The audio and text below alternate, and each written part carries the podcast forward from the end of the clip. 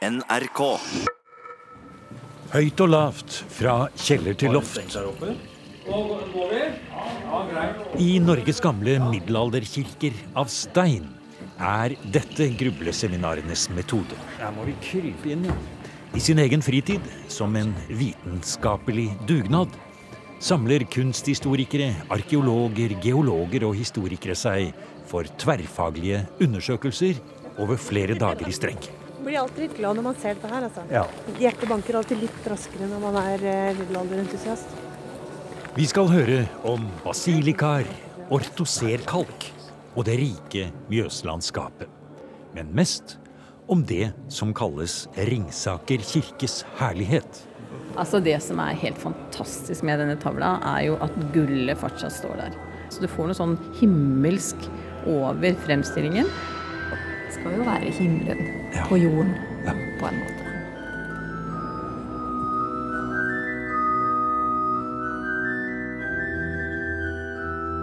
Kort orgelbrus ved organist Roger Andreassen er det vi hører i bakgrunnen her, og som var starten på hver grubledag i Ringsaker kirke. Men det er også andre flotte steinkirker i området rundt Mjøsa. Og noen av dem, som Vang, Stange og ruinene på Domkirkeodden, ble også besøkt av grublerne. For et flott tak. Ja, det er en nydelig tak. Ja. Og skyene som svever over en er er blå liksom, himmel. De er liksom så lette. Ja. Og ja, lette og glade skyer. Ja. Ja. Også disse hvite, kalkede veggene ja. som bærer dette tretaket da, med Ja. himmelens skyer på. Så her har du himmelen. Her Ja, ser du opp i himmelen. Det er vakkert, og det er en egen historisk sakral stemning blant grublerne som går rundt og undersøker. Men det er det som er bak kalken, de uløste gåtene om datering, og ikke minst bygningshistorien. Hva som ble føyet til når, hva som en gang brant og ble gjenoppbygd, hva som ble revet og hva som ble bevart fra de aller tidligste bygningsfasene på 1100-tallet. Det er alt det grublerne studerer. Og ikke minst selve bygningssteinene. Veldig mye er tatt ut fra lokale steinbrudd som man laget for selve byggingen av disse kirkene, sier geolog og professor emeritus Johan Petter Nystuen. Men i dag så ser vi veldig få kalksteinsrygger her i distriktet. Så sannsynligvis har de rett og slett tatt det som var, ja, og bygd kirka. Og hentet noe fra domkirken? Og hentet noe fra domkirken. Så den fløya her er sannsynligvis bygd med materiale fra domkirken på Hamar. Det er detaljer og små hint fra middelalderen mange steder i disse gamle steinkirkene. Hvis man har det rette blikket. På den gamle kirkedøren til Stange kirke griper arkeolog Øystein Nekroll fra Nidarosdomen tak i en flott smidd ring som har et rent norrønt preg. Alle kirker hadde en slik ring på døren, og fikk man tak i den og holdt fast, så hadde man kirkeasyl hvis man var på flukt i middelalderen. Ser vi nærmere på ringen, så er det en drage, en slags orm, som er tvinnet rundt seg selv. Lindorm, Lindorm. ja, eller basilisk kan det også kalles. De har altså to, bare to føtter, to frambein, og så en lang, slangeaktig eh, bakkropp. Og så, eh, to, så vinger, da. Så vi ser her. Er det med andre ord et kjent hadde Ja. jeg på å si, tema fra Ja norsk middelalder? Og så ser du at det, Ja.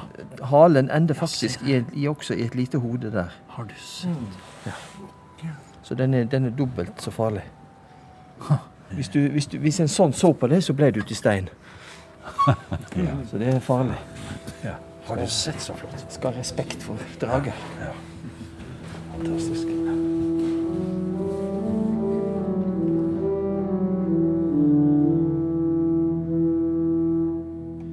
Vi er med på grubleseminar i museum i dag, og på vei til Ringsaker kirke, hvor vi etter hvert skal fordype oss i et av de aller flotteste alterskap i hele landet, som har stått i Ringsaker-basilikaen siden det ble levert fra Antwerpen en gang på tidlig 1500-tall. Men en, en annen ting. Jeg syns det var veldig fascinerende den trappen opp, og at den laveste buen har da hatt et galleri over. Ikke sant? Men vi svinger innom Domkirkeodden og fortsetter litt til med den helt spesielle kalksteinen, som har gitt så flotte byggesteiner til kirkene rundt Mjøsa. For det er mange slags kalkstein, sier geolog Johan Petter Nystuen. F.eks. Mjøskalken her på Hamarsida. Den ser ganske annerledes ut enn den som vi har f.eks. på Bøverbru på Toten, på Vestre Toten. Hva er avgrensninga av Mjøskalka? Hvor finner du den? Ja, det henger sammen med hvor i lagrekka den ligger. Ah, ja.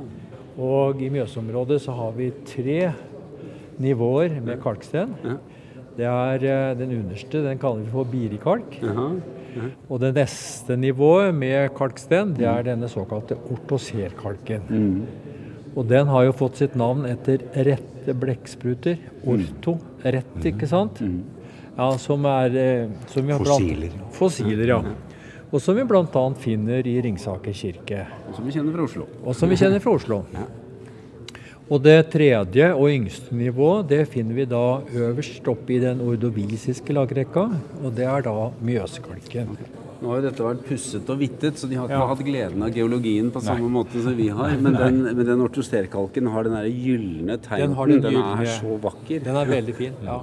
Ortosterkalken den får dette rødlige skjæret i seg, spesielt når den blir litt forvitret. Ja. En kvart, det er altså en kvart alen, altså en halv fot. Så da blir det seks, seks tommer det. For en alen var 24 tommer. Ja. Så det er seks, seks tommer. Så det er ca. 5 På kirkedøren til Ringsaker kirke henger det et alenmål i smidd jern. Sikkert som kongelig standard for kjøp og salg i hele distriktet. For handel var det mye av rundt i Mjøsbygdene. Ikke minst fordi dette var rike kornområder fra gammelt av.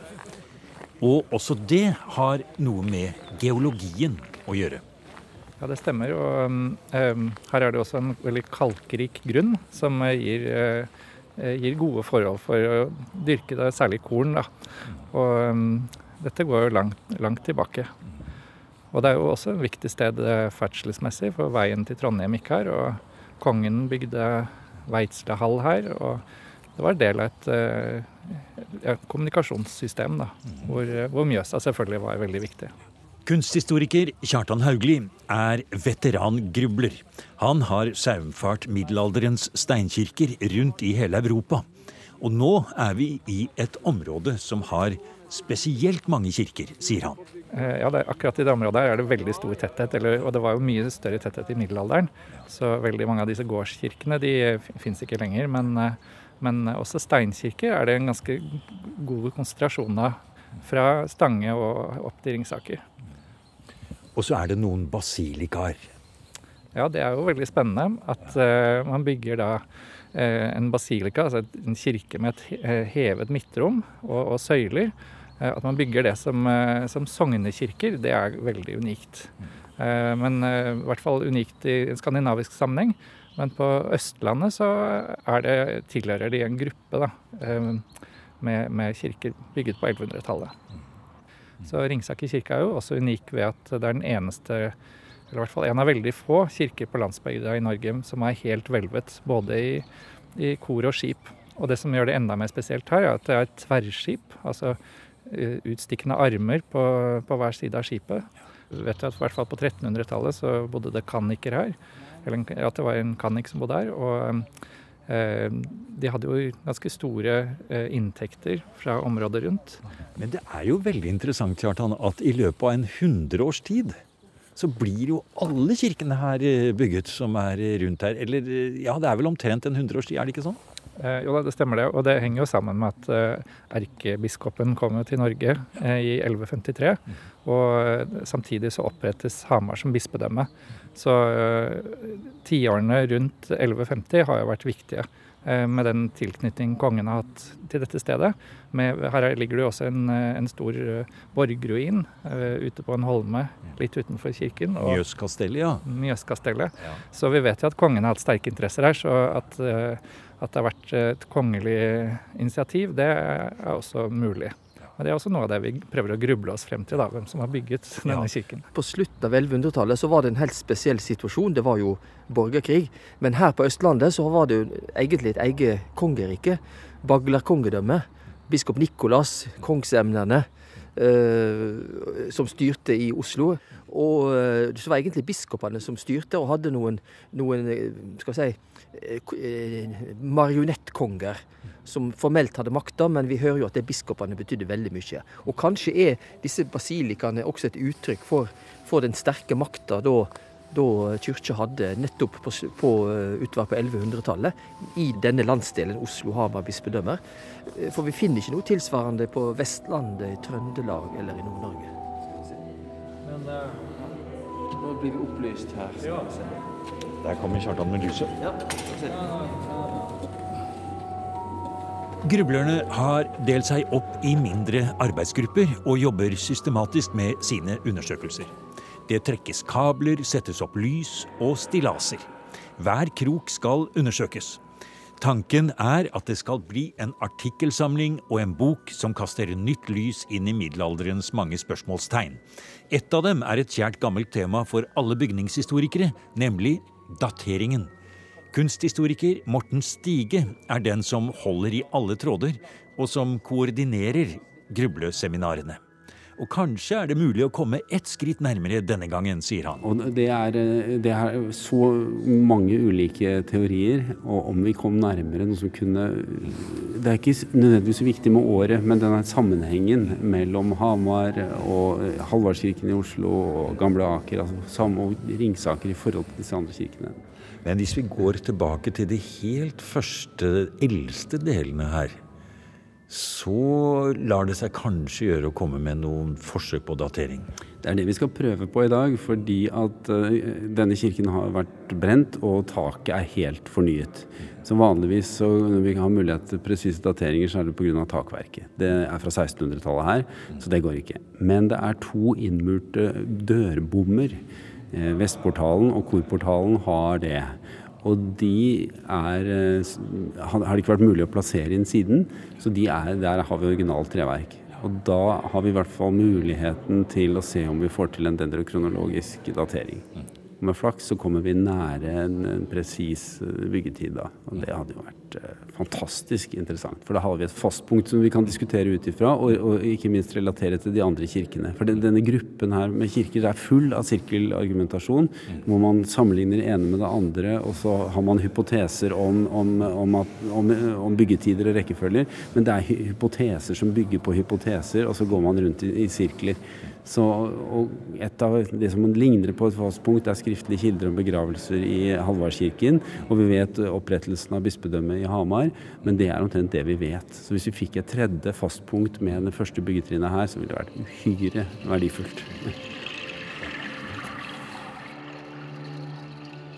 Det er kjemperikt fordi det har så, de har disse scenene hvor det foregår veldig mange ting. Mange av de alterskapene som jeg har jobba med før, har jo skulpturer som står stramt i korpus, som står stramt på innsiden av dørene. Mens her har det er jo et teater, eller det er mange teaterforestillinger som gjør at det blir jo et sånn myldrende liv i dette skapet. Så det er jo det rikeste vi har. Det er det fineste vi har. Tone Marie Olstad, malerikonservator og forsker ved NIKU, snakker om det myldrende livet som stråler ut i gull og farger fra det store alterskapet, både i høyde og bredde, som dominerer ved alterringen innerst i Ringsaker-basilikaen. Sammen med kunsthistoriker og postdokk ved Universitetet i Oslo, Ragnhild M. Bø, skal de to gruble seg inn i de mange labyrinter av figurer, farger og liturgiske scener som fyller alterskapet fra topp til bunn. Og vi til sammen har sett veldig mange alterskap i norske kirker. Ja, og som, eh, ja, du, Da får du som kunsthistoriker Ragnhild, forklare litt grann nærmere, for dette er et bestillingsverk, og jeg lurer på om ikke jeg har sett Sankt Olav et sted på den. Sankt Olav er helt eh, ytterst ute på det som nå er vår venstre side. Men han er jo Han dukker jo opp i ting i hele Nord-Europa. Han er jo kjent. Så det som er enda festligere og viktigere og morsommere her, er jo Halvard. Sankt Halvard. Nettopp, som jo egentlig vi kjenner fra Oslo. Ja, men han er Østlandets vernehelgen. Han strekker seg nok opp til Ringsaker. Og han har vi jo nesten ingen fremstillinger av.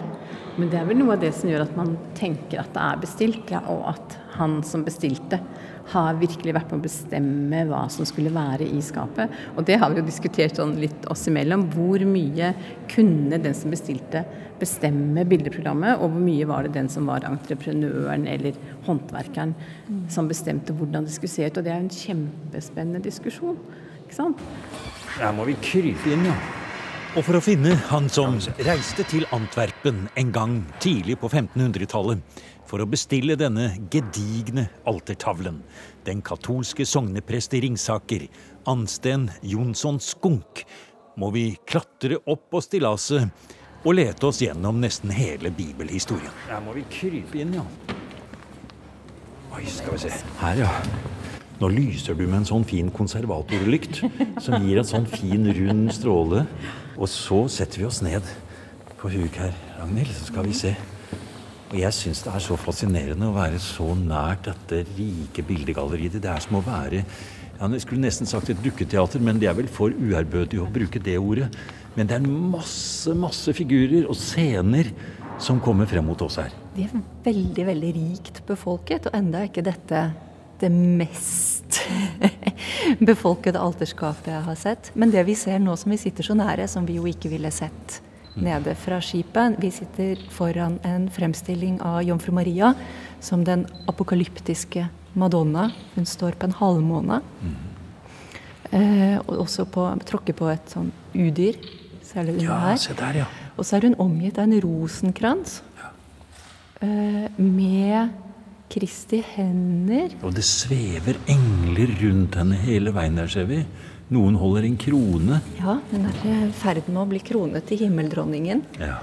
Nå kom lys inn her, ja. Det er fint. Ja, Men at vi har fått inn disse Og Altså dette er liksom nederlandsk fromhet fra senmiddelalderen som går veldig mye på dette med å føle seg inn i Jesu lidelse. Mm. Så er inne på hendene hans og hjertet og føttene som, oh, de er løsrevet og som er satt inn som sånne eh, mnemotekniske, minnetekniske små eh, punkt. Men det er klart, altså Det er jo høyt oppe nå, da. ja.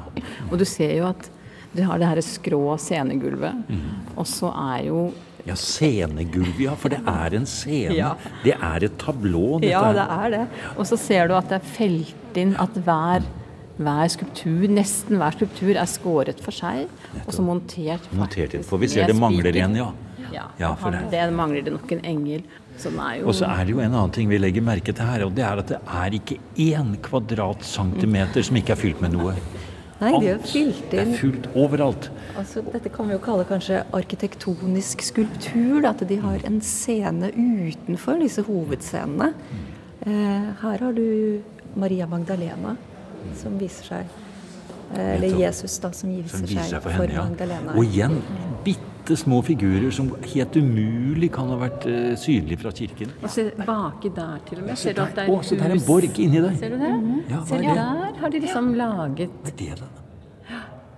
Det er jo helt fantastisk, altså. Og disse her som er liksom lag på lag på lag. Ja, det er Jerusalem selvfølgelig bak der, ja. Dette er jo bestilleren. Dette er jo presten i Ringsaker kirke. Eh, han hadde flere roller enn å bare være prest her, men eh, Ansgar Johnsen Skonk, som sitter, han kneler, eh, kledd i eh, diskré hvitt.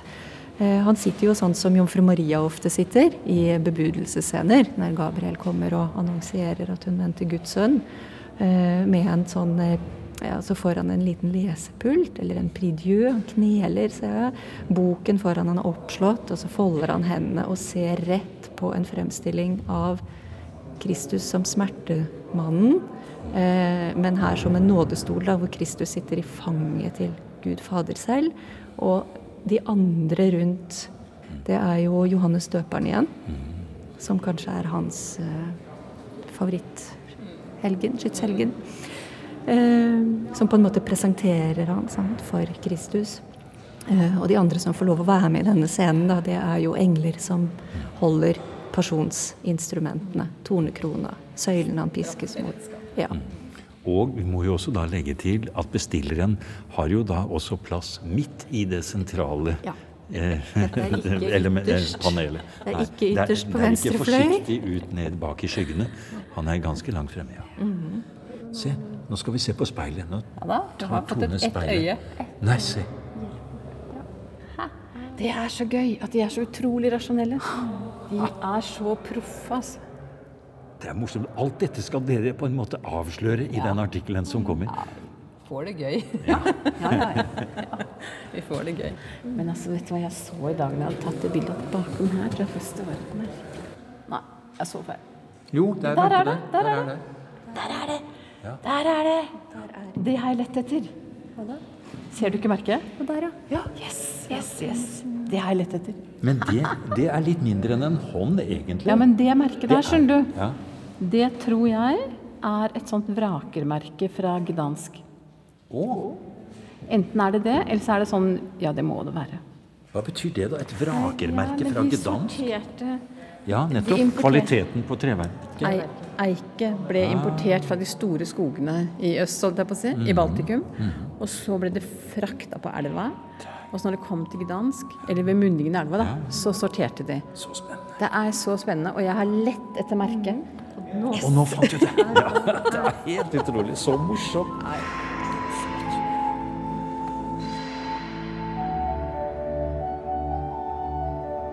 Bestilleren av alterskapet, sogneprest Skunk, var både den siste katolske og den første lutherske sogneprest i Ringsaker. Og nettopp skjebnen til alterskapet etter reformasjonen er noe av det kunsthistoriker og stipendiat ved Det teologiske fakultet, Kaja Merete Hagen, går nærmere inn på. For det er en myte at katolsk kirkekunst ble ødelagt og brent eller revet ut og kastet etter reformasjonen, sier hun. Det var de mange alterne og tilbedelsen der som måtte forandres. Selve bildene, eller skulpturene av helgener, kunne i prinsippet beholdes. I eh, henhold til den lutherske teologien så var jo eh, det var jo ikke noe problematisk med helgenen i seg selv som eksempel for sin kristne livsførsel. Men tilbedelsen skulle jo opphøre. Ja. Så et bilde av en helgen var jo ok. Og eh, både i kirkeordinansen som kom etter reformasjonen, og i visitasboken til den store eh, superintendenten, eller biskopen på Sjælland, Peder Palladius, han skriver jo hvordan man skal eh, ta ned sidealterne. Man skulle bare ha ett alter, hovedalteret. Men bildene som hang på sidealterne, som da var helgenbilder i stor grad, de kunne henges opp på kirkeveggene. Eh, Bare de hang et annet sted. Ja, eh, bare det ikke var et alter. Mm, Ja, fordi alteret var jo et tilbedelsessted. Ja, For jomfru Maria er jo fortsatt Jesu mor. Og Jesus på korset er Jesus på korset. Hun er fortsatt Jesu mor, men når du snakker om Jesus på korset, så er det også litt spesielt, fordi selv de mest billedfiendtlige eh, teologer etter reformasjonen, de kritiserer ikke korset. Hvis, det var, hvis man måtte ha et bilde, så måtte, da var det et kors. Ja. Så man har ingen eksempler at man eh, skulle ødelegge noe kors eller eh, krusifikser fra norsk middelalder. Så det eneste problematiske med dette fantastiske alterskapet, det er giveren som eh, har satt sitt sterke preg på det. Ja, eh, Presten Anstein Skonk, eller Skanke, han er jo avbildet flere steder i skapet. Både på framsida, malt, og inni skapet, der han er en sentral skulptur i den midtaksen. Og grunnen til at han har malt seg inn, det var jo eh, han, Innskrifter i skapet viser jo at menigheten skulle be for hans sjel. Og det var jo ikke greit. Eh, den tanken om at du kunne påvirke eh, den døde i skjærsilden, disse døde sjelemessene, eh, det var jo noe som opphørte med den eh, overgangen til lutherdommen. Men det var én gang det var nær ved at det ble borte. Ja, eh, ifølge eh, folkelige tradisjonen så ble det da etter krigen med svenskene i 1567, så ble det da spent eh, på en slede foran fullvokste hester, og oppover i lia, og der sto skapet bom fast. For det var krigsbytte? Det var krigsbytte som svenskene skulle ta med seg. Ja. men eh, skapet ville ikke lenger. Og så kom det en ett år gammel unghest som uten noe mer hjelp kunne trekke skapet ned igjen til kirken. Og det som er gøy med den historien, det viser jo en tro på at eh, om det var Gud selv eller skapet selv, menigheten så nok på dette som mer enn et skap. Det var, altså Gud grep inn her for å føre skapet tilbake til der det hørte hjemme. Og dette faller vel også sammen med at i 1567 eh, Nå vet jo ikke jeg om historien går like langt tilbake, om dette er en fortelling som har oppstått i etterkant. Men det er jo ingen grunn til å tro at lutherdommen hadde fått noe bredt fotfeste i eh, den jevne av, eller på begynnelsen av reformasjonstida. Eh, det tok nok mange generasjoner før eh, luthersk lære fikk eh, gjennomslag blant befolkningen her. Mm.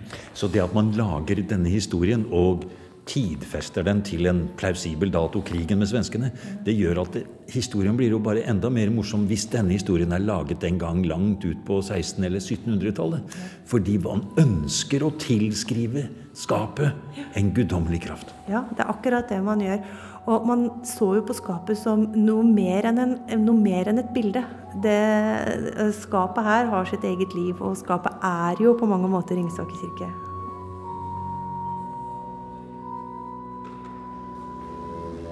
Du har nå hørt en podkast av programmet Museum fra NRK P2. Og send gjerne en e-post til museum krøllalfa nrk.no.